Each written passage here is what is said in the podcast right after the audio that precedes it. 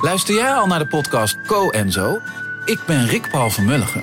Ik ben Nina de Lacroix. En samen met jouw man René voeden wij twee kinderen op in twee huizen. Co-ouderschap. We hebben het over alles wat je daarin tegenkomt. Maar ook over de juice tijdens onze kinderloze dagen, want die heb je ook in het co-ouderschap. Een podcast voor alle ouders in alle vormen, maar ook voor alle mensen zonder kinderen. Zijn we eerlijk, heerlijk herkenbaar. Dus luister naar Co en Zo in je favoriete podcast-app.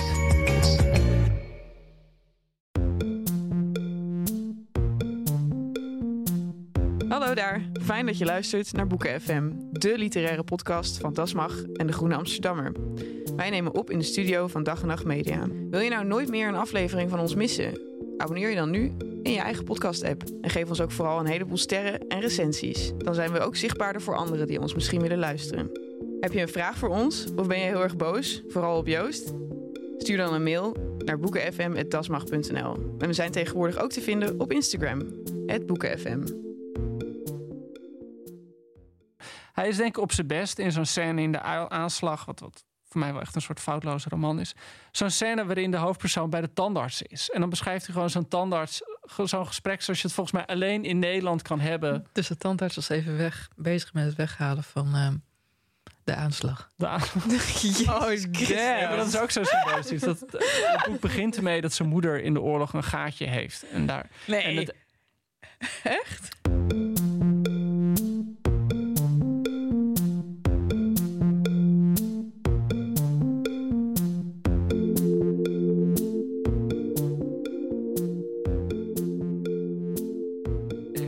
Kan Maartje wel gelijk hebben hoor. En kan je een boek redelijk plotloos schrijven. Maar dat is dan echt het, wat, wat natuurlijk dus het hele spanningsveld van literatuur is. Dat wat de schrijver maakt iets anders is dan de lezer leest. En dat is precies een fantastische brug naar de volgende schrijver. Oh. Die in de woestenij, die werd nagelaten door de Tweede Wereldoorlog, opeens overal betekenissen aan elkaar vast ging knopen. Haast een ijdele poging om het geseculariseerde landschap waarin de Nederlandse ziel dodende was vanaf 1945, toch nog iets van een doel, een roeping en een zin te geven. En hoe heette die guy ook weer? Ja, god, goede vraag. Die altijd in het Amerikaans zat. Gewoon die guy. Het voelt gewoon heel gek om, om nu dat ik nu een verhaaltje moet houden over wie Harry Mullish was. Want ja, niet alleen dat die guy. eh, Sorry, maar je wilt toch ook de jeugd aanspreken? Ah, nee, de jeugd moet mij zien aan te spreken. Kom op, dat, dat gaan we... Nee, goed, maar kijk, Mulisch, het, het moeilijk van over Mulisch praten is, is dat hij al zoveel over zichzelf heeft gesproken. En dat hij van alles in zijn leven al in soort van snedige one-liners heeft verpakt. De bekendste one-liner is natuurlijk, ik ben de Tweede Wereldoorlog. En dan gebaseerd op het Wow. feit dat... Ja, die heb ik ook nog nooit gehoord. Nee, dat, Oh, dat verbaast natuurlijk Maar het is heel vet. Nee, Ja. dat, dat, dat kwam uit voort uit het idee dat eh, zijn vader was een Oostenrijker. Eh, die tijdens de oorlog eh, collaboreerde. Hij, eh, was het hoofd van een bank. En die bank ging eigenlijk over hoe vooral Joodse bezittingen werden afgepakt en doorgesluist in Duitsland. En zijn moeder was Joods. En die hadden een heel gek huwelijk met elkaar. Die moeder was veel jonger. En die vader was redelijk liberaal. Die gaf haar alle vrijheid. Dus zij woonde in Haarlem. Hij woonde in Haarlem met zijn vader, Mulisch. En zijn moeder verhuisde heel snel naar Amsterdam. En die had daar gewoon haar eigen leven. En dan ging Mulisch af en toe langs. En toen na de oorlog heeft die vader dus ervoor gezorgd dat die moeder de oorlog kon overleven. Terwijl hij zelf gewoon na de oorlog opgepakt is en een paar jaar in de gevangenis heeft gezeten, omdat hij collaboreerde. Dus Mulisch kon, en hij is van 27, dus hij was eh, zeg maar 13 dat de oorlog begon en 18 toen hij de oorlog uitkwam. Dus, dus die oorlog waren voor hem echt de, de formerende jaren, formatieve jaren noem je dat.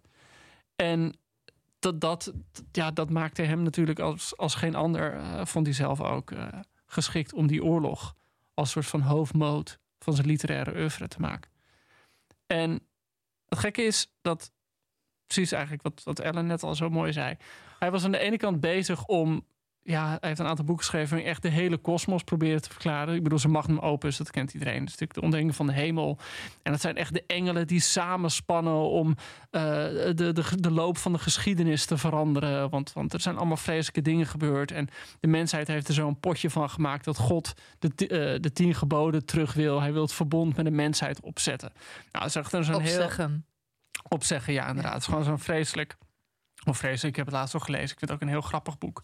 Heel episch, heel groots. Was hij heel gelovig iemand? Nee, helemaal niet. Nee, nee, absoluut niet. Oké. Nee. Nee, maar hij gebruikt. Waarom die fascinatie dan? Nou ja, die engelen. Kijk, Mulisch was wel iemand die zichzelf, bij wijze van spreken, in traditie met een farao zag. Ik bedoel, het was, was gewoon wel zo iemand die geobsedeerd was met eh, de Grieken en eh, de Romeinen en, en eh, Oud-Egypte. En ik ben wel eens op zijn werkkamer geweest. Dan kon je, kan je gewoon bezoeken.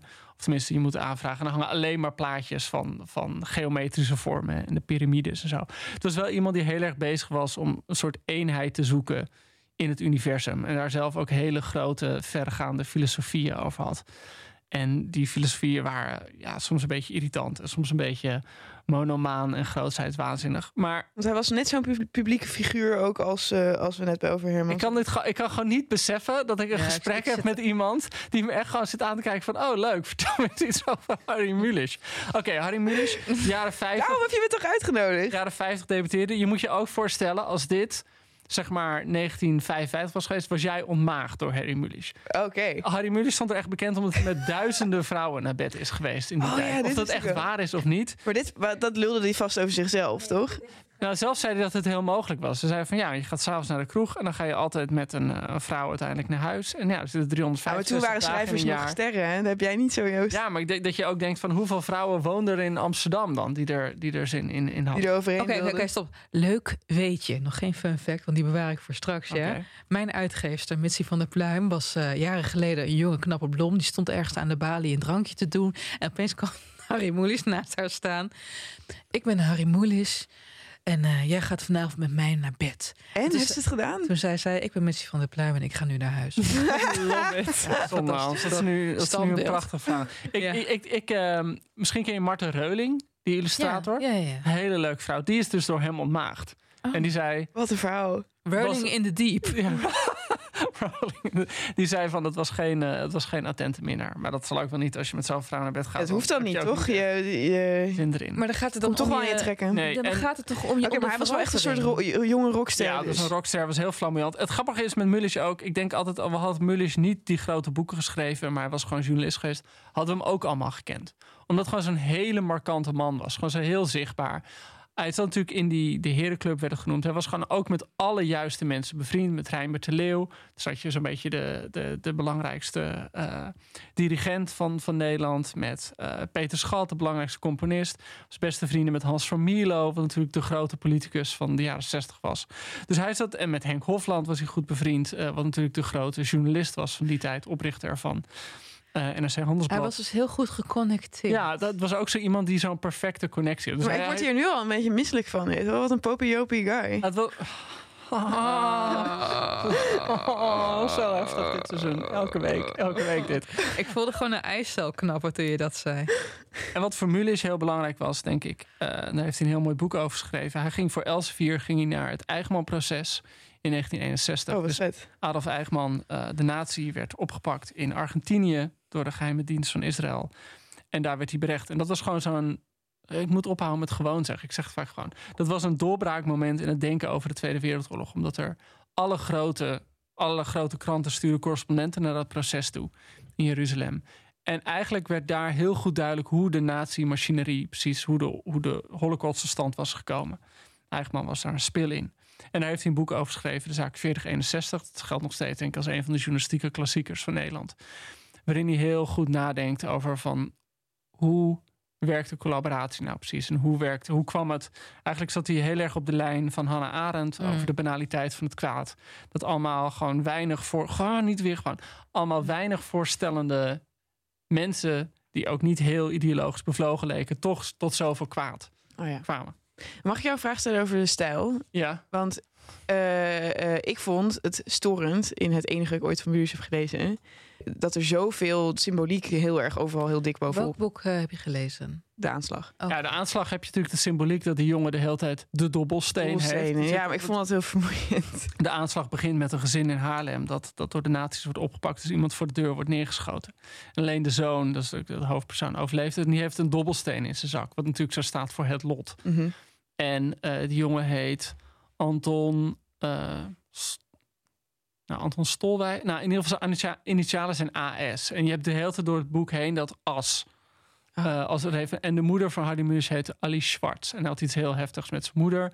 Dus dat is ook zijn ipte.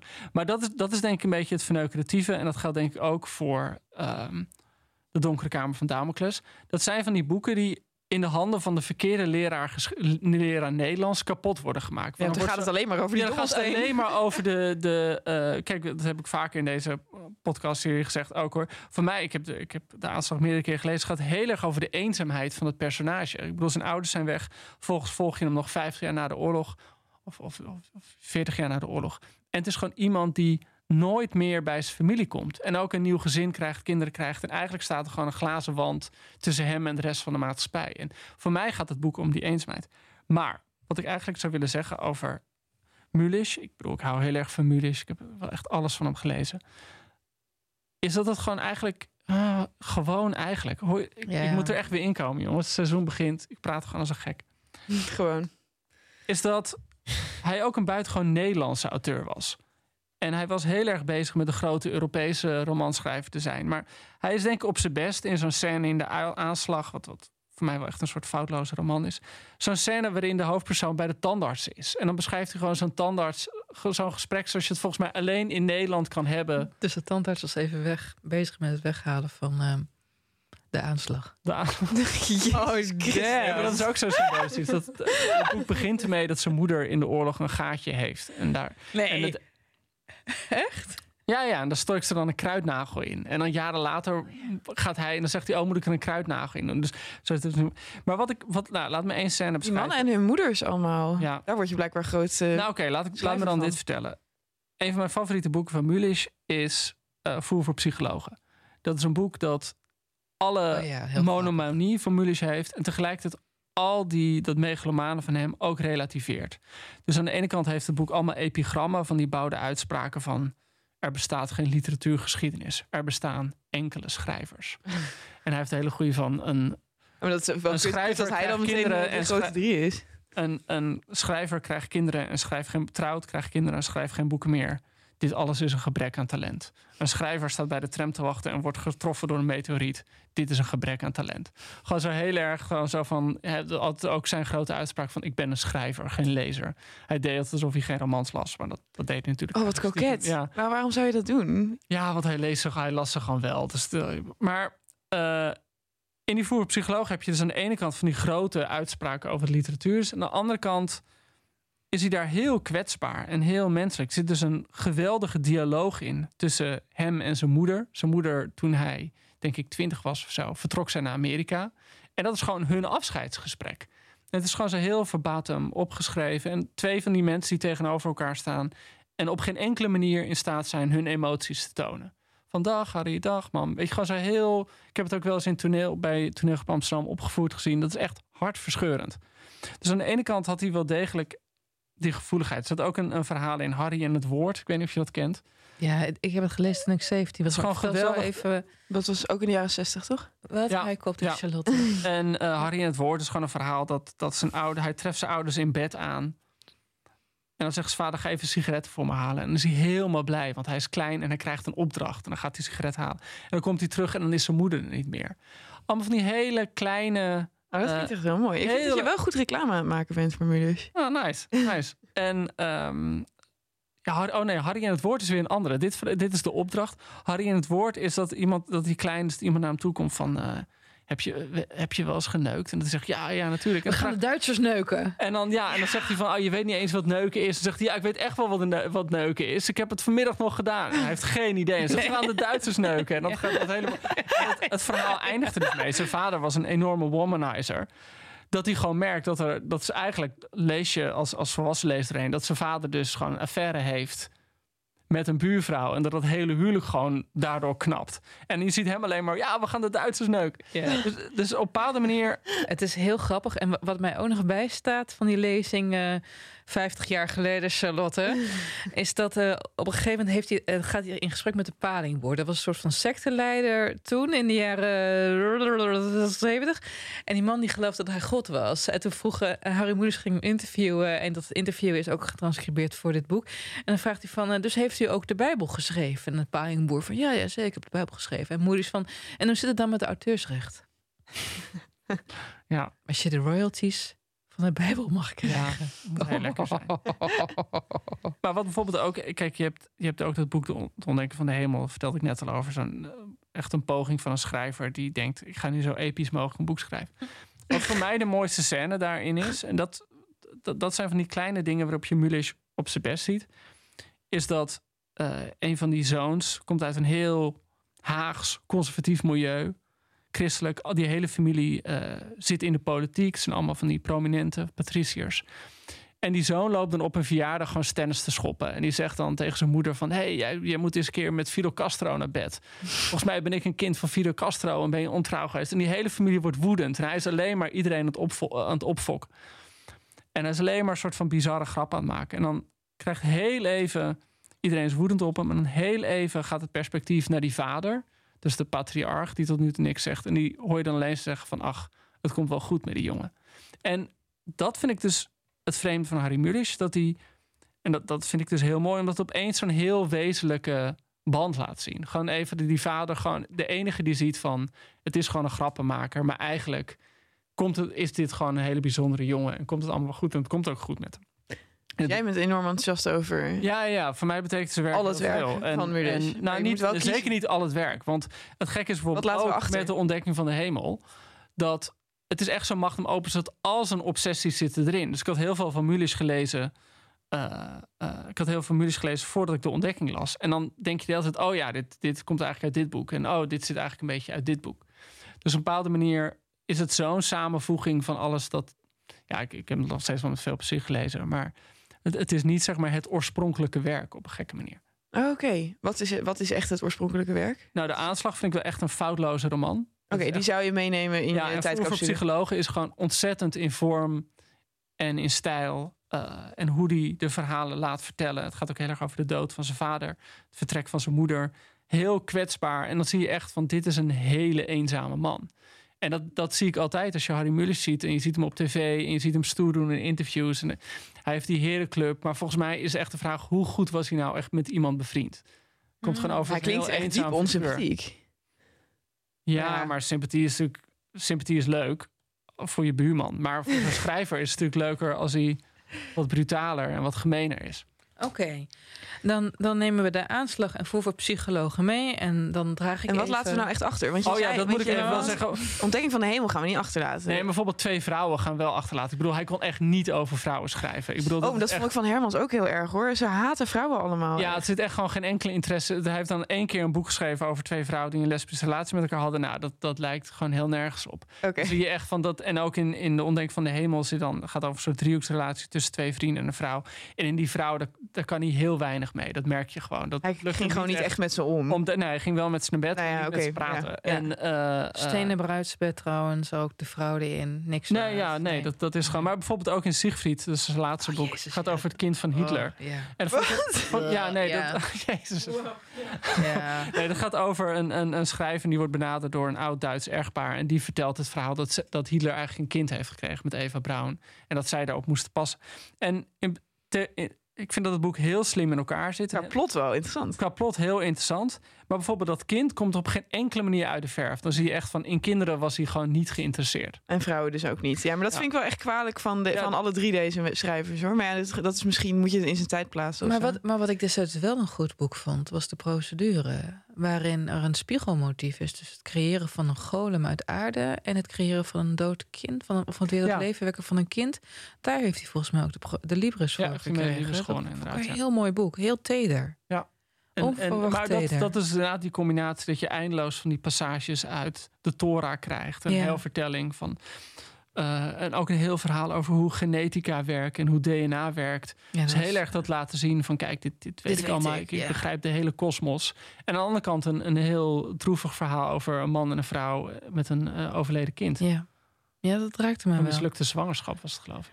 Iets wat we niet mee gaan nemen van Harry Mulisch, wat mij betreft, is zijn poëzie. Oh, Hier een gedicht uit, gevonden? eh, helaas niet, uit, uit de bundel Woorden, Woorden, Woorden uit 1973. Nee, is dat een Shakespeare citaat? Woorden, woorden, woorden, dat kan. Word, zegt word, Hamlet, word. toch? Ja, dat kan, dat kan, dat kan. Ja, maar het kan ook zijn dat hij heel dronken was en deze titel bedacht. titel heet Jij denkt, titel is Jij denkt, let op hè.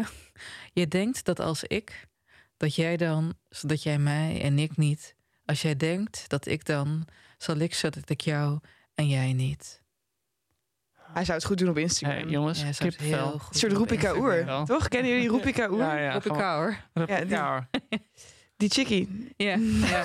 Dus dit nemen we mee. En Niet de poëzie. Misschien wel nog deze boeken. Joost, nog even een fun fact over Harry Mulisch. Ja, ik, ik heb nog steeds het idee dat ik nog honderd dingen moet vertellen aan Charlotte, omdat ze het allemaal niet weet over. Dus weet je, hij is bijvoorbeeld naar, naar Cuba gegaan. Hij was helemaal fan van Fidel Castro. En hij had echt het idee van daar, daar is de wereld. Hij klinkt echt precies als elke man waar ik ooit mee heb gestudeerd. Ah, ja, zie je, je had gewoon ook niet in Amsterdam moeten studeren. Maar ik weiger gewoon eerbied te hebben voor de grote drie. Trouwens, ik heb helemaal niet in Amsterdam gestudeerd. ik studeer in Utrecht. Of wel, nee, ik ben gesjeest. Trouwens, ik studeer helemaal nergens. Nee. Nee. Goed, ik ga op de fiets terug. Ga ik even zijn Oké, Wikipedia-pagina ik zal de fun fact geven. Fun Ja. fact, Harry Mulisch, eh, moeilijke relatie met vrouwen misschien, maar een hele goede relatie met tackles. Hij heeft zijn hele leven tackles gehad. Nee, net een beetje als, als eh Nina. Ja. Oh, wat vet. Ja, je weet dat je hier met mij, bij mij ik en dieren en honden, Oh, kak. dat is wel, eh, krijg je wel bonuspunten. Oh, dat wist jij. Ben jij heel erg met honden? Ja. Oké, want ik wil namelijk, ik, ga denk ik wel echt binnen een jaar een hond nemen. Serieus? Ik wil dan wel iemand die kan oppassen op de hond. Oh ja, dat ben ik. Jij gaat sowieso die hond een of andere pretentieuze literaire naam geven. Maar niet als het een chihuahua is. Mulisch! Nee, Maar jij wilde je hond of Bobby noemen of dokter... Dokter Bijtgraag. Dokter Bijtgraag. Ja. Ja. Dat is zo schattig. Zo dol. Dan kan je roepen, dokter, dokter, hier komen. Ja. Eh, volgens mij gaan we door naar de resterende van de grote De laatste 33 drie. procent. En wel echt iemand die er Joost. heel anders... Sorry, jij wilde... Ah, Jezus, die aan je kop is dicht. Ik wil- had mij jullie zo mooi ingeleid. Is Ik wilde jou nu ook mooi inleiden. Shit, ik denk, dan geef ik gewoon... Jullie zijn zo goed op elkaar ingespeeld. Ja, dat is echt vreselijk. Ik heb wel gezien dat jullie al jaren Vandaag, aan het vandaag alleen maar blonde mensen die door me heen schreeuwen. dit knippen we eruit. Ja, Eh, overnieuw. hoe zullen we verder gaan? Zal ik gewoon zeggen van... Oké, dan gaan we nu de laatste van de grote We gaan dit er absoluut niet uitknippen. Ik Kijk Nee. naar jou. Ik wil het over die hond er wel in natuurlijk. Ja, dat mag erin. Oké. Ellen. Tijd voor de laatste 33% van de grote drie. En wat voor 33% hadden we eerder? Een misantroop en vervolgens een narcist. Dan hebben we hier een levensmoeie godsdienstwaanzinnige. Een man die een legende werd in zijn eigen tijd... waar diverse rechtszaken wegens godslastering tegen werden aangespannen... terwijl hij zelf, zo beweerde hij althans, een uiterst devoot katholiek werd. Een man die opgroeide in een nest. En dat betekent dus niet, dat is niet cultural appropriation, Charlotte, dat je onder de Indianen zit, maar dat je ouders Je communist bedoelt de inheemse zijn. bevolking van de Amerika's? Ja, daar ben ik te oud voor om daar nog politiek correct over te kunnen spreken. Iemand wiens grootste roman een paar jaar geleden in Engeland verscheen en daar echt een daverend succes was. Ik heb het over Gerard Reven, origineel Gerard van het Reven. Later kortte hij zijn naam in. Hij heeft ook nog een tijdje Simon van het Reven geheten. Heel divers persoon. Gerard werd geboren in 1923 in Amsterdam.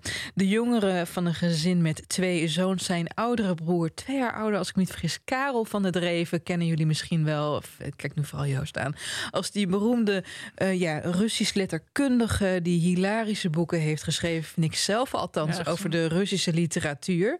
Heel goed Verleiden columnist ook. leuk. Hij is een hele goede columnist geweest. Hij is een ontzettend vlammende pennenstrijdvoerder geweest. Karel van het Reven. Je hebt soms in mijn eh, meer snobby vriendenkringen... is het eigenlijk niet de vraag wie van de grote drie... maar is het de vraag Karel, of Gerard, weet ja. je wel. Oh ja, Maar- mijn moeder was altijd van Gerard en haar vader was van Karel. Oh, ruzies. over.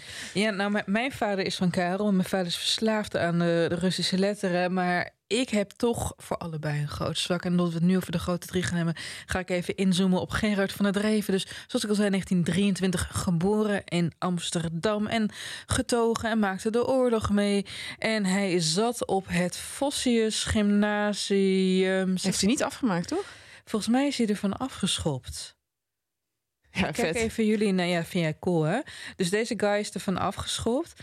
En ehm, op een gegeven moment kwam hij, eh, had hij besloten om een roman te gaan schrijven. En hij had al helemaal bedacht dat hij dat in drie maanden kon gaan doen. Als hij nou elke week één hoofdstuk uittikte op zijn vaders typemachine, dan had hij een geweldig debuut. En het moest ook verschijnen bij bezige beide had hij ook al bedacht. En het lukte uiteindelijk. Heeft hij de allemaal. avonden in drie maanden geschreven? Hij heeft er iets langer over gedaan, maar hij is in, in december 46 begonnen. En in 47, ergens richting het voorjaar, lag het in de winkel. Nee, iets later nog lag het in de winkels. Maar heeft het heel snel geschreven. Hij had ook echt in zijn. heb je, hebt een hele mooie biografie, vuistdik van Nop Maas. Waarin, zoals Joost van tevoren ook al tegen mij bejammerde, dat zelfs ook boodschappenlijstje op een zeker punt erin komt. Maar hij, hij heeft het gewoon, hij had echt bedacht, ja, ik moet schrijver worden. En de grap is, hij is iemand die gewoon de hele tijd als jonge man, hij was 23 toen hij dit boek uitbracht, hij liep chronisch met een bloknootje rond. En ehm, hij, het gros van de dingen die hierin is gekomen, heeft zijn wortels in het dagelijks leven van Gerard van der Dreven. En ik heb het natuurlijk over de grote roman, de avonden. De avonden, wat gebeurt er in de avonden? Wie ben je en wat doe je? Nou, de avonden, lieve mensen. Over plotloos gesproken. Nou, dat, daar gaan we het. Heb jij hem gelezen? Daar? Ja. Heb je hem uitgelezen? Nee. Waarom zeg je dat dan, je stomme Jens hier? Ik geef je een voorzetje. Ja, ja, ja, ja. Heb jij hem uitgelezen, Joost? Ik heb hem gelezen toen ik eh, eh, op de middelbare school zat. En ik ben hem nu, as we speak, aan het herlezen. Maar heb je hem uitgelezen nu op de middelbare Ja, ik heb hem toen school? wel uitgelezen. Oké, oké, oké. Maar ook omdat het heeft zo'n hele bekende slotzin. Of eigenlijk de ene laatste zin is heel bekend. Eh, Ik, ik kom er zo meteen Oké, op. dan, ja. dan zou ik hem nog niet zeggen. Ja. Eh, dus ik, ik, ik weet nog dat ik hem las en ik echt dacht van ik moet naar die slotzin toe Is lezen. dat, het is niet onopgemerkt gebleven? Ik, ik zeg net Oh, dat shit, ik hem sorry. niet Ja, maar ik, ben wel, ik vind het heel, heel knap dat je het boek niet hebt uitgelezen, maar wel weet wat de plotzin is.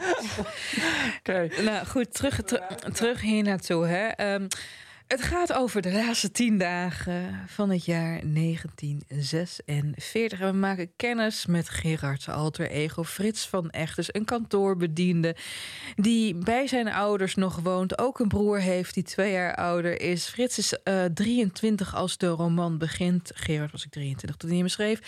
En het is het naoorlogse Nederland. Het is zo ontzettend saai. Dat eten is zo vies. Het eten is vies. Niemand maakt wat mee. Ja, kijk, s'avonds, het hete avonden, overdag werk je. En s'avonds ga je even naar je vrienden. En deze Frits van Echters is iemand die alleen maar slechte grappen maakt. Hij is dol op mopjes over kinderen die per ongeluk overlijden. Ja, het zou natuurlijk ook wel de leeftijd zijn geweest. Ik moest erg lachen toen ik het boek weer las. En hij is ook heel erg dol op het wijzen op de tekortkomingen van zijn medemens. Vooral als iemand aan het kalen is. Ja, de hele tijd. Ik, las dat voor het eerst. Ik dacht, hoe oud zijn die gasten? Dat ze gewoon de hele tijd. Het schijnt dus ook, want, want hij loopt ook zijn oudere broer, dat is natuurlijk Karel van het Reven, maar die heeft een andere naam in deze roman, loopt te zeggen: Jij bent echt, echt kaal. En toen heeft eh Karel van der Reven nog in 67 gezegd: Ja, ik begin nu pas kaal te worden. En dit boek is, dat lees je ook bij wat tijdgenoten die erin zijn opgenomen, er achteraf over gezegd. Het is allemaal enorm overdreven, maar het is tegelijkertijd super herkenbaar. Deze Frits van Echters heeft heftige, gewelddadige dromen. Overdag is hij aan het vegeteren op het kantoor. S'avonds verveelt hij anderen met zijn afwezigheid. In de weekenden drinkt hij soms een borrel. Niet eens om het dronken zijn, maar in de hoop op de, het vacuüm de dag erna. Dat je even niet gestoord wordt door je gevoelens en je emoties. En halverwege de roman denk je: wat ben ik in godsnaam aan het lezen? Het is heel herkenbaar. Het is ook een soort. Ja, misschien dat jullie het ook wel kennen dat je op je drieën. Je bent 23. Ik ben 23, ja. Maar dat je denkt: wat moet ik in godsnaam met mijn leven doen? Nou ja, en ik, wat ik wel ook heel herkenbaar vond. Ik had het dus wel echt uit willen lezen, maar het, ik ben gewoon niet aan toegekomen. Ja. Eh, eh, want ik vond het wel echt heel erg leuk en grappig. Ehm, dat hij de hele tijd zo zit te letten op de mensen die om hem heen zijn. En ze gewoon, hoe langer die ernaar kijkt, hoe walgelijker die ze vindt. Weet Ja. wel, hoe ze eten, hoe ze lopen, hoe ze praten. Zijn vader die de dessertlepel in de suikerpot doopt. Eh, Zijn vader die winden laat. Hij kan het gewoon allemaal Hij kan niet het allemaal niet hebben, die fratten in zijn nek. Hij En kan dat, het niet aan. En omdat je dan zo beklemd bent in dat kleine huis, dat je ook de eh, plattegrond daarvan, is, die zie je heel duidelijk voor je. Want het zit allemaal zo dicht op elkaar, die mensen. Eh, hoe beklemd je dan voelt, eh, hoe graag hij aan zijn leven wil beginnen eigenlijk. Eh, en dat hij daarom die mensen allemaal zo vreselijk vindt, dat vond ik wel echt heel grappig aan. En, Ja. eh, Ja, maar ook dat idee dat je aan je leven wil beginnen, maar hij heeft geen idee welke kant op. Ja. En alles is ook redelijk uitzichtloos, want het is naoorlogs Nederland. Het is de wederopbouw, alles ligt in puin, inclusief de toekomstperspectieven van de nieuwe generatie. De oudere generatie is qua geloofwaardigheid echt van het voetstuk gevallen. De jongere generatie is niets meer dan cynisch over de gehele mensheid. Want ook al zou pas in latere jaren echt de enorme rijkwijde van de vernietigingen van zowel de collaborateurs als de Duitsers, als die hele Tweede Wereldoorlog in naar buiten komen. Men had toen al een donkerbruin vermoeden dat de mens zwaar kloten was in die tijd. En deze Frits van Echters die gaat op deze manier door de dagen heen. En halverwege de roman begint hij zich een beetje te storen aan zichzelf. Dat merk je ook als hij tegen mensen aan het praten zegt van ja, jullie zijn echt, echt wel kaal aan het aftakelen. Dan hoor je tegelijkertijd zijn interne monoloog van Frits, hou je bek toch dicht. Stop nou met praten. Wanneer hij met zijn moeder bezig is, dan zegt hij van aan het kletsen is dan. Dan zegt hij, dan zegt hij allemaal vervelende dingen. Hij zegt ja, dit wil ik niet tegen haar zeggen. En het is iemand die eigenlijk constant op het randje van een zenuwinzinking aan het balanceren is. Nou, naarmate het nieuwe jaar nadert, wordt dat maar heviger en heviger. En dat vind ik zo'n ontroerende scène. Dat heb jij dus gemist, Charlotte. Maar op oudjaarsdag gaan ze dus oliebollen eten met het gezin. En dan heeft die moeder heeft wijn gekocht en dan blijkt het vruchtensap te zijn. En die moeder die vertelt van ja, maar de verkoper die zei echt dat goede wijn was. En die moeder is dus genept. Hè? Die is voor drie gulden, wat de fortuin was, niet het genept. En dat kan Gerard niet aan. Dat iemand waar die toch van huid zo ontzettend bedonderd is. En dan komt er tegen het slot een omslag. Dan moet je je voorstellen, je hebt 200 pagina's lang... heb je Frits van Echters als enfant terrible door de dagen zien gaan. Iedereen aan het terroriseren. Het is gewoon terror, ja. ja jij weet ook niet wat het is, Charlotte. Maar het is gewoon een hele vervelende jongen. Ik, ja, ik, nou, nou, peu Français we, praten heel geliefd tegen je. Anyway... Hij is de hele roman vervelend geweest. En op het laatst, laatste pagina's heb je opeens een moment van... ja, is het epifanie? Kijk Joost Ja, even een soort aan. epifanie Een soort epifanie. Dat begint eerst met een soort gebed tot God. En dan moet je weten, Frits van Echts komt ook uit een rood nest. Weet je wel, dus die is atheïstisch opgevoed... want God is een geloofste opium van het volk volgens de Marxisten. Hij begint een, een, een, een smeekbede van... Spaar mijn ouders. Spaar mijn moeder die zich laat bedonderen en dan vruchtenwijn koopt. Of eh, vruchtensap koopt in plaats van wijn. Spaar mijn lelijke vader. Die gewoon ook maar gênant is, maar toch een kind van uw God. En dan tenslotte. En weet je wat, ik pak hem er gewoon bij. Want we hebben hem al een beetje gespoild. Maar dit is dus een hele, hele beroemde slotzin. Hè? Hij pakt een knuffel, eh, knuffelkonijn dat hij van een kennisje heeft geleend. En dan gaat hij op bed zitten en dan zegt hij dit. Ik leef, fluisterde hij. Ik adem. En ik beweeg, ik adem, ik beweeg, dus ik leef. Wat kan er nog gebeuren? Er kunnen rampen komen, pijnen, verschrikkingen, maar ik leef. Ik kan opgesloten zijn of door gruwelijke ziekte worden bezocht, maar steeds adem ik en beweeg ik en ik leef. En dit is allereerst een getuigenis. Hè? Een getuigenis die wrang is, want vaak was je leven het enige wat je over had na die, eerst, na die Tweede Wereldoorlog. En je had eigenlijk ook niet meer entertainment dan de ademhaling in je luchtpijp. En- roze vla van je moeder. Ja, ja, ja, ja. ja. En tenslotte in laatste alinea, toen hij gereed was, trommelde hij zich met de vuisten op de borst en betastte zijn lichaam. Hij kneep in, de, in het vel van de nek, in de buik, de kuiten en de dijen. Alles is voorbij, fluisterde hij. Het is overgegaan. Het jaar is er niet meer, konijn, ik ben levend. Ik adem en ik beweeg, dus ik leef. Is dat duidelijk? En welke beproevingen ook komen, ik leef. Hij zoog de borstel adem en stapte in bed. Het is gezien, mompelde hij. Het is niet onopgemerkt gebleven. Ja, ik vind het zo mooi. Ja, het is heel mooi. is echt heel mooi. Echt heel mooi. Het gekke is, ehm, ik moet bij, bij de avonden moet ik altijd denken aan zo'n gumba. Gebeurt niet vaak dat je, maar zo'n gumba van een man die in de trein zit en eh, de avonden leest. Dan zegt hij zo, Reven, om de beklemming van de naoorlogse dagen op mij over te brengen, zou je toch echt eerder moeten opstaan. Oh, flauw. Ja, maar En- maar heeft wat heel er- veel over de avonden gedaan. Want hij heeft ook een man die een hele grote boekenkast heeft... met alleen maar honderdduizend keer de avonden erin. Ja. En verder geen caption of niks. Ja, maar wat het, wat het natuurlijk over de oorlog. Hè. En, en eh, Reven is van 23. Ja. Eh Mulisch was van 27. En Mulisch en, en Hofland. Hofland was een hele bekende eh, journalist. Nou, die, net als Mulisch. En die spraken altijd over de restauratie na de oorlog. En die hadden het altijd over van, je kreeg de bevrijding. En toen dachten mensen van die generatie echt van, het gaat nu anders worden. En we krijgen nu veel meer vrijheden. De maatschappij wordt niet zo stoffig en beklemmend meer. Totale verzuiling. Ja, en dat gebeurde dus wel. Dus het werd gewoon weer net zo saai als het was. Dat noemden ze het restauratie. En dat is natuurlijk, en, en daarom is dit einde ook zo mooi, denk ik. Dit is toch gewoon iemand die ziet van oké, er waren mogelijkheden. Die mogelijkheden lijken niet tot wasdom te komen. Het is gewoon dit saaie, stoffige eh, Nederland waar de avond vroeg valt. En waar je gewoon met achter de, beglazen, de beslagen ramen zit. Maar toch ben ik er nog. En het, is, het is wel gek, want je, je verwacht eigenlijk niet van Reven dat het zo iemand is die. Dit is eigenlijk iemand, zoals je het nu voorlas ook. Het is iemand die toch het leven omarmt. En het is heel vitalistisch. Ja. Terwijl in die hele roman heeft de jongen duidelijk geen enkele reden om, leven, om te leven. Het is uitzichtloos. En toch, dat hart klopt maar door. En die longen blijft zich maar volzuigen. En dat was voor heel veel tijdgenoten ook. Dat einde is ook van, van zowel door voor- als tegenstanders uh, geprezen.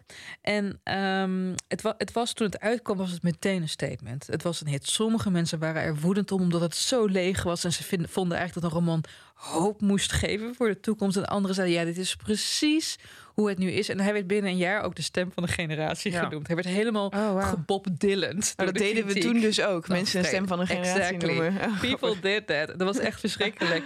En eh Reven die vond het allemaal wel grappig. En er, wa- er was een aantal voorstanders. Bijvoorbeeld Simon Vestdijk heeft lovende recensies over geschreven. Anna Blaman. Eh, alleen eh, Bomans die vond het verschrikkelijk. Maar, Waarom dan? hij, hij vond het volgens mij vulgair. Ja, Vulgair, omdat het zo alledaags was. Nee, omdat het omdat- gewoon plat is. Ja, omdat er zoveel grappen ook over de dood. Omdat het zo erg ging over de vieze fysieke kant van mensen. De aftakeling. Bomans was een deftige meneer natuurlijk. Bomus was een zeer deftige meneer. en ehm, wat hij denk ik er niet in heeft gezien... is wat veel mensen toch wel er wel in hebben gelezen... is de enorme compassie die je krijgt... met zo'n jongen van 23 die op een kansloos moment in de tijd Ja. is geboren. Want degene die later wel echt de vruchten gingen plukken... van de verwarring en ja, de, de morele neergang van de vooroorlogsgeneratie... waren de babyboomers. Maar hij is geen babyboomer. Die zitten nog net in de handboeien van de verzuiling. Ehm, Mag ik jou een vraag stellen Ja. over... eh, eh, ehm, Eh, Je moet eh, voor de luisteraars thuis, Charlotte steekt de vinger ook op. Ja, hè. ja is goed. ik dacht, ik doe eens beleefd. Ja. Ehm, Ik, ik zie er echt oud uit vandaag. over het expliciet maken. Dat is niet waar. Ik heb jou net nog Fiona Apple genoemd. Ehm 40. Die is gewoon- nou, even toen mee in haar hoogtijdagen. Oké, oké, oké, oké. Toen ze zeg maar eh, Nee, zodat ik jong weet- en sexy was. Ik weet, ik weet, een sloopkogel van de menopauze vanadert ook mij. Vertel. Je wordt dan ook heel emotioneel, of niet? Ja, ja, dat doe maar even.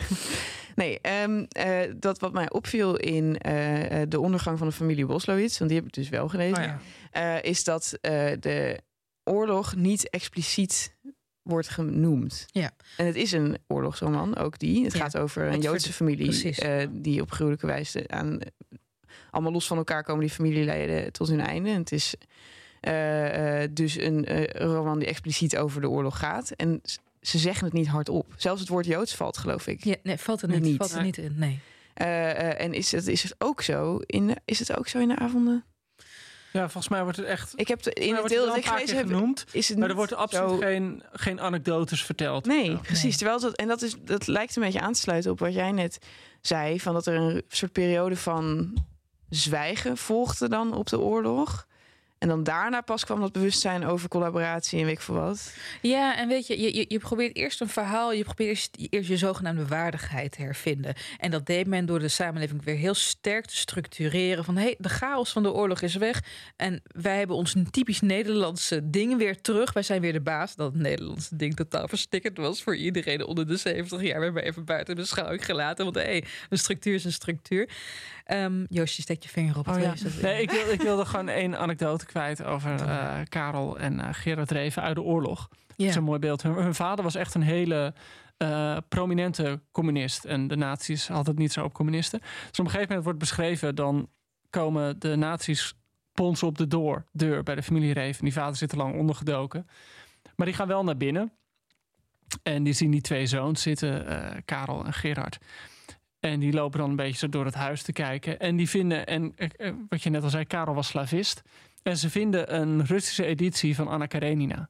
En het was echt zo het doel in het leven van Karel om Anna Karenina in het Russisch te lezen. Ja. En dan zeggen de Duitsers: Nou, jullie twee kom maar mee. Dus zij moeten mee naar de cel.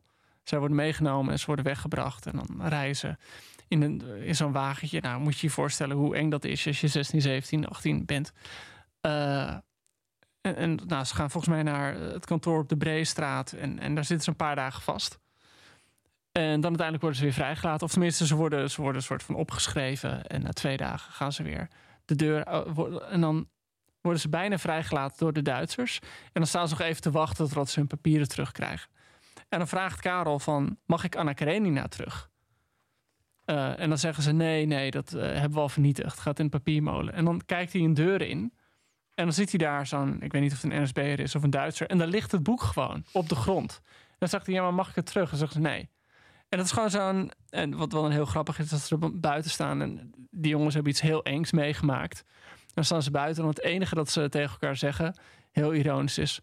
Zo Gerard, de zoete wind der vrijheid waait ons weer om de neus. dat, dat maar ik vind dat zo'n, eh, misschien meer voor Karel hoor dan, dan voor, voor Gerard, maar gewoon zo'n essentieel beeld dat je ergens bent en dat je het boek gewoon niet mag lezen. Maar dat, daar zeg je iets heel typisch voor. Überhaupt die familie waar ze uit vandaan komen. Het was een super intellectuele familie. Kijk, die ouders die worden totaal geroost in, in de avonden. Maar die vader was een alom gerespecteerd uh, communist en schrijver en journalist. Die moeder was hier hyper, hyper intelligent. Dus um, dat was een van de dingen waar, waar de negatieve commentaren een beetje omheen gingen. Want die ouders zaten echt wel in het letterenwereldje. Leuk weet je, nog niet mijn fun fact, maar leuk weet je, is dat die ouders elkaar ontmoet hebben tijdens een lezing over het communisme van Herman Gorter de beroemde dichter. Ja, daar ga ik helemaal Die vader heeft ook geprobeerd een, romanti- eh, een communistische roman te schrijven. Dus een roman die geschreven was vanuit de ideologie van het communisme. Niet over het communisme. Nee, nee het is niet over, maar gewoon zeg maar vanuit het communisme. Het schijnt een vreselijk, vreselijk ja, boek te zijn. Dat, dat, dat, kan ik me heel goed indenken. Maar goed, het had zijn wortels heel sterk in de werkelijkheid. Ook de dromen die in deze roman zijn opgenomen, die heeft gewoon gejat van vrienden. Van heb je nog een leuke droom? Geef me een droom. ik wil een droom opschrijven. Dat is grappig, want het viel me echt op dat er heel veel dromen beschreven worden. Ja, en eh, deze roman is in de, jaar, in, de, in de eerste tien jaar nadat hij uitkwam, is hij vooral sociaal geïnterpreteerd. Van ja, dit is gewoon de klap in het gezicht tegen de overlevers van de oorlog. Daarna werd hij psychologisch geanalyseerd en helemaal Freud erop losgelaten. En zo, terwijl het gros van de dromen niet, eens van, Reven, van, Reven zelf was. Nou goed, Reven was meteen een sensatie. Hij won er de Reina Prins Geerlingsprijs mee. Um, hij was hij was echt, het was het succesboek van het jaar. Heeft er in totaal dat jaar 7000 exemplaren verkocht. 7000? Maar... 7000. Hè, ik dacht dat mensen zoveel boeken kochten toen. Nee. Nee, het is echt. Het nou, er waren ook minder mensen. Waren, iedereen was doodgeschoten. Dus weet je, misschien was percentueel een heel hoog aantal. Um, maar ter, ver, ter vergelijking, volgens mij was het pas 1953 dat er een keer een vierde druk aankwam. Terwijl Vassalis de debuutbundel, die kwam in de oorlog uit. Die heeft twaalf herdrukken binnen de oorlogsjaren gehaald. Dus, dus het is ook maar heel relatief. Nou, wat moeten we meenemen van Reef? Want ik, ik ben nu heel erg aan het centreren om dit boek. Wat ik eigenlijk wel... Kijk, er zijn mensen in daaropvolgende jaren heeft hij heel vaak een writersblok. Op een gegeven moment gaat hij maar brieven schrijven. Ja. Uh, die hij bundelt tot romans, tot verhalenboeken. Daarvan is ook het hele mooie op weg naar het einde. Ik vond het geweldig. Ja. Heb je gele- ja, ja, ja, die vond ik echt heel erg leuk. en Nader tot u is natuurlijk nader ook tot u. Boeken. Ja, op weg naar het einde heeft hij het ook openlijk over zijn homoseksualiteit. Had. Had. Ja, het heet de um, En dat gaat ook over het schrijverswereldje, maar ook over de eenzaamheid wat het betekent om van een andere geaardheid te zijn. Um, tot u gaat ook over hoe hard hij op weg is toch om in God te willen geloven. Ja, over dat godsbeeld van ja, Reven. Heel interessant. Voor wie uh, zomergasten heeft gezien. Hè, er kwam een stuk. Roxanne van Ypres vertelde in haar aflevering dat Reven op een gegeven moment ook wegens een proces. Dat hij had ergens in een boek geschreven dat God tot hem kwam als een ezeltje. En dat hij het ezeltje heeft gepakt. Ja. Weet je wel? Ja, en dan, dat mag dan uh, blijkbaar niet. En heel veel mensen hebben vanwege dat, die ezelanekdote ook gedacht dat God, dat, dat zijn hele godsbeleving totaal een fa façade was. Maar hij heeft ergens in een brief gezegd dat God een symbool is voor het allerkleinste en allerkwetsbaarste in jezelf. Oh, dat vind ik best wel mooi. Prachtig, hè? Ja. En kijk, Nee, maar dat ezelspress is echt zo'n zo'n markeerpunt in de Nederlandse cultuur. Want Ja, hij heeft dat gewonnen. Hij, mocht dat het wel zeggen. En dat Want het is- was ja. dus, het, het- hij werd aangeklaagd wegens godslasten. Ja. Ja. Dat Ja. kon toen nog. Ja, dat, Ja. Kan, dat kan nu nog steeds. Alleen je wint gewoon niet echt snel. En, eh, of, nee, of dat- je wordt opgeblazen. meer, Dat is de nieuwe ja, ja, ja. strafmaat. Ja. Maar toen kon het, toen, toen gebeurde, en da- daarom was het ook zo'n doorbraak, omdat het eigenlijk voor heel veel kunstenaars de deuren openzetten om eh, Het ezelproces. het ezelproces. Weten we dat. Ja, nou, eh, zo meteen op de fiets terug, kan je het weer googlen. Maar, ehm, en weet je, we, we- we- eh, als, als we het hebben, want ik, ik ga ook, want we praten nu aan één stuk door over de avond. Ja, het avond is echt mijn lievelingsboek van Gerard Reven. Ik vind het boek wat door anderen als zijn meesterwerk, weet je, het boek van Violette en de Dood vind ik heel mooi. Maar de avonden was gewoon. En het heeft ook te maken dat ik las het toen ik heel jong was. Dat was een klap in mijn gezicht. Weet je wel? En er zijn misschien andere boeken, als ik dit boek later had gelezen, had, gelezen, had niet zo'n indruk gemaakt. Maar het is voor mij bepalend geweest ook hoe ik zelf een tijd naar het leven heb gekeken. Ehm, we waren net heel blij, dus ik praat even meer van, maar ik heb eigenlijk als enige schuld de gedichten van Hermans en Moelisch aan het eh roosten. Ik ga even een van mijn lievelingsgedichten van eh, Reven voorlezen. Ik heb het ook al eerder voorgedragen in een eerdere aflevering van, eh, van deze zelfspodcast. Maar ach, iets Maar hij was wel echt een goede dichter. Hij heeft van de grote drie de beste Ja, gedichten geschreven. Ja, dat kun je, dat kun je zit- wel snel dan ja, al. als je woordblind bent en Wernicke aversie hebt, kan je dat ook. maar er zitten heel veel prutgedichten bij, vind ik van Reven. Ik heb veel gedichten herlezen nu, maar één gedicht is echt mijn lievelings. Want het gaat over zijn band met God. De U die hier in dit gedicht wordt aangehaald is ook God. Het heet Dagsluiting. Eigenlijk geloof ik niks. Twijfel ik aan alles, zelfs aan u. Maar soms als ik denk dat gij waarachtig leeft, dan denk ik dat gij liefde zijt en eenzaam. En dat in dezelfde wanhoop gij mij zoekt, zoals ik u. Nou, Dat is echt een soort gebed. prachtig hè? Echt schitterend. En dat ja, maar dat, dat einde van de avond is ook bijna een gebed. is een soort gebed. gebed. En Ja. heel... wat ook leuk is trouwens, de avond is een paar jaar geleden in het Engels verschenen. Het was daar een hit. Jij, jij, was je niet in Londen, Joost? Toen je- Eh, toen- nee, ik was in Cairo voor de, de lancering. Nee, nee. nee, maar dat is wel grappig dat, dat de laatste twintig jaar... eh, want er is ook tien jaar geleden denk ik een vertaling van De Donkere Kamer... voor het eerst verschenen in het Engels. Dat was ook echt een hit in het buitenland.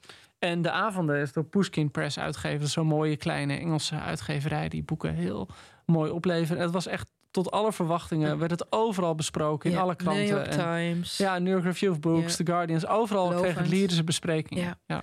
En ook, ehm, eh, want, ik, want ik heb ook een podcast geluisterd weet je, over mensen die, in de, die vorig jaar tijdens de lockdown typische lockdownboeken zochten. Nou, ze zeiden ja, de avond De is een avonden typisch natuurlijk, lockdownboek, ja. want iedereen verveelt zich. En zij vonden het echt hilarisch. En ze zeiden ja, we weten niet zeker of we alle grappen meekrijgen, because Ja. we are not that Dutch. I'm so happy I'm Dutch. Maar ehm, de avonden vind ik echt niet eens een mijlpaal binnen de drie, maar een mijlpaal binnen de Nederlandse literatuur. En eh, daarmee komen we eigenlijk tot een besluit en een antwoord op de vraag die we aan het begin van deze aflevering stelden. Niet alleen wie waren de grote drie, want dat hebben we volgens mij een beetje uitgelegd nu. Eh, maar wie is de grootste? Voor mij Oh. persoonlijk. Ja. Ja, ik, heb, ik mag niet meedoen, want ik heb Mulis niet gelezen. Maar ik vind Reven vind ik, vind ik eh, zelf veel mooier dan Hermans. Oké, Joost. Voor mij is het wel echt Mulisch. Het is ook iemand die zijn hele schrijverscarrière... elke decennium één of twee hele goede grote boeken schreef. Ehm, dus, dus en voor mij is dat eh, die combinatie van die grote geschiedenis oppakken... en tegelijkertijd dat menselijke inzicht... eh, is voor mij Mulisch. Ja, voor mij Reven. Zo heerlijk dat we gewoon zo Dankzij mooi de eh, avonden en, en Ja. dagsluiting. En eh Merel, ook voor een ander draadje wat we nu gaan afronden... mag ik mijn fun fact delen? Over Ja. mijn Fun fact, fun fact, party time, excellent. Maar op een gegeven moment ontmoette W.F. Hermans Gerard van het Reven. En Hermans die herinnerde zich achteraf, daar, het, zou, het zou een bloeiende vriendschap worden, maar die herinnerde zich van dit gesprek achteraf, die eerste ontmoeting, alleen het volgende. Dat Reven heel graag van hem wilde weten hoe vaak per dag Willem Frederik Hermans zichzelf aftrok.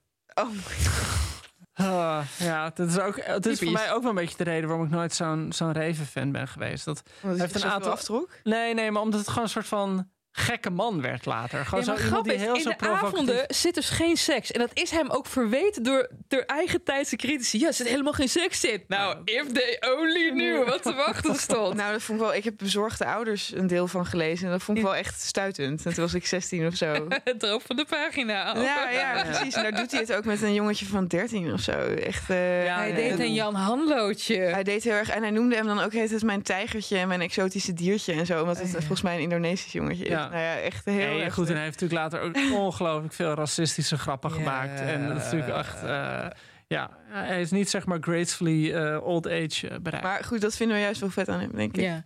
Merel, wie heeft de fun fact Ja, wedstrijd laten we ze nog even één keer herhalen. Eh, Charlotte. Oh ja, Hermans had op school de bijnaam Stijve Jezus. Oh ja, stijve Jezus. Alright. Joost? Nog meer dan dat hij, eh, dat hij hetero was, was Mulisch een soort techofiel. En hield alleen van tackles. Oké. In plaats van het te hebben over het woeden der gehele wereld en de algemene staat van de literatuur, vroeg even toen hij Hermans voor het eerst ontmoette hoe vaak hij zich per dag wel niet aftrok. en we hebben ook nog eh, Jet Zwart. Ja, met De ingevulde ja, brief. Oh, de ja, vind ik telefoon. eigenlijk wel omdat het. Ik denk dat Jet Zwarte moet winnen. Yay! Deze nou, daar kan ik mee leven. zwart, want het was ook echt Ja. een mooi beeld, vond ik. Ja, zeker. Van, eh, met het prikkeldraad. Ja. Maar misschien zit hij dan niet in deze aflevering, dus ik zal hem nog even herhalen. Dat gaat dus over Jet Zwart, een luisteraar van ons die eh, instuurde dat haar oma in Groningen heeft gestudeerd en onderhuurder was bij WF Hermans. En dat toen Hermans op vakantie ging, hij zijn telefoon omwond met prikkeldraad om te voorkomen dat andere mensen zijn telefoonrekening zouden plunderen. Denken jullie ook niet dat Jet Zwart gewoon een pseudoniem van iemand is? Jij bent het gewoon zelf. Zo, nee, nee. Je denkt, Zo van, oh, dan hebben ze niet door dat ik een blonde man ben. Dan doe ik oh, alsof ja, ik een... Zwart. Ja.